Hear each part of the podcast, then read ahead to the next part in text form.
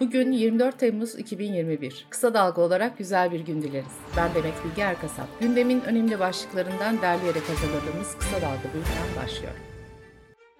28 Şubat davasında Çevik Bir ve Çetin Doğan'ın da aralarında olduğu 14 kişiye verilen müebbet hapis cezası onanmıştı. Onama kararına yapılan itirazı Yargıtay Cumhuriyet Başsavcılığı reddetti. Cumhurbaşkanı Erdoğan sel felaketinin yaşandığı Rize'de açıklama yaptı. Erdoğan, 3 milyon liralık kaynak vatandaşlarımıza ulaştırılmıştır. 550 konut inşa edeceğiz. Köylerimizde altında ahırı olan 50 adet köy evi yapacağız dedi. Erdoğan, ne olur bu yamaçlarda 5-10 katlı binalar yapmayın ifadelerini kullandı. YÖK Başkanı Yekta Saraç'ın görev süresi 20 Temmuz'da tamamlandı. Saraç ile Cumhurbaşkanı Erdoğan arasında Boğaziçi Üniversitesi'ne Melih Bulu'nun atanması ve iki yeni fakülte kurulması nedeniyle anlaşmazlık olduğu iddia edildi. İddialara göre Saraç yeniden YÖK Başkanlığı'na atanmayacak. Milli Savunma Bakanlığı Antalya'nın Kaş ilçesinin 161 mil güneybatısında içinde 45 göçmenin bulunduğu bir teknenin battığını duyurdu. Antalya'da 2008 yılında uçakla iş gezisinden döndüğü sırada beyin kanaması geçiren Şener Kesen, 35 yaşındayken felçli kaldı. Yıllarca tedavi gören Kesen, 2014 yılında dava açtı. 5 yıl süren dava sonucunda Yargıtay, iş kazasıdır diyerek Sosyal Güvenlik Kurumunca Kesen'e 1 milyon lira tazminat ödenmesine hükmetti. Medya kuruluşlarının yerli ve yabancı kuruluşlardan fon alması tartışmaları sürerken bir açıklamada Rütük'ten geldi. Yapılan yazılı açıklamada yabancı kurum ve kuruluşların fonlarıyla Türkiye'de faaliyet gösteren medyanın olası milli güvenlik sorunlarına yol açabileceği gerçeğiyle hareket ederek tüm düzenleme ve denetleme faaliyetlerini ele almaktayız denildi. Kırklareli'nin Vize ilçesine bağlı Karadeniz kıyısındaki 2077 nüfuslu sahil beldesi Kıyıköy tatilcilerin akınına uğradı. Nüfusun yaklaşık 50 bine çıktığı Kıyıköy'ün belediye başkanı Ender Sevinç, tatilcilerden başka tatil beldelerini tercih etmelerini istedi. Tekirdağ'ın ise nüfusu 2500 olan Kumbağ beldesine 100 binin üzerinde tatilci geldi. Belediye ekipleri Kumbağ'da 3 günde 200 ton çöp topladı.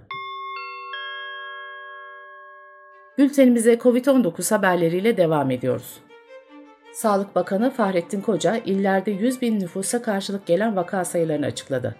Ankara'daki vaka sayıları düşerken İstanbul ve İzmir'de arttı.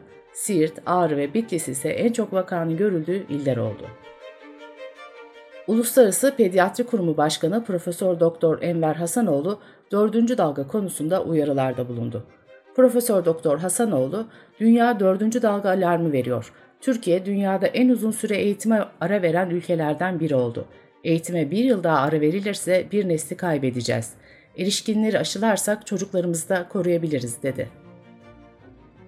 Aşılama oranının düşük olması nedeniyle vaka sayılarının arttığı Diyarbakır'da kentin risk haritası kırmızıya döndü. Türk Tabipleri Birliği Merkez Konsey Üyesi Halis Yerlikaya, aşı olmayanlar mutlaka aşılarını yapsınlar dedi. Fransa parlamentosunun kabul ettiği yasayla sağlık çalışanlarına aşı zorunluluğu getirildi.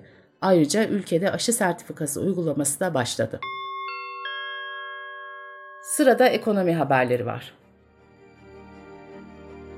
Birleşik Kamu İş Konfederasyonu'nun halkın enflasyonu araştırmasının Temmuz 2021 sonuçları açıklandı. Et ve balık fiyatları %2.6, yumurta fiyatları ise %3.4 oranında arttı. Yağ fiyatlarındaki artış %5.5 oldu. Meyve fiyatları %8.8, sebze fiyatları ise %11.7 arttı.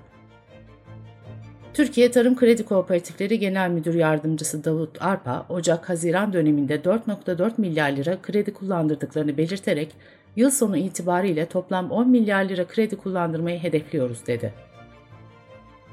Demirören Holding'in Ziraat Bankası'ndan çektiği krediye karşılık ipotek ettirdiği Kemer Country'deki golf sahası arazileri İstanbul Büyükşehir Belediyesi tarafından yeniden özel spor alanına çevrildi.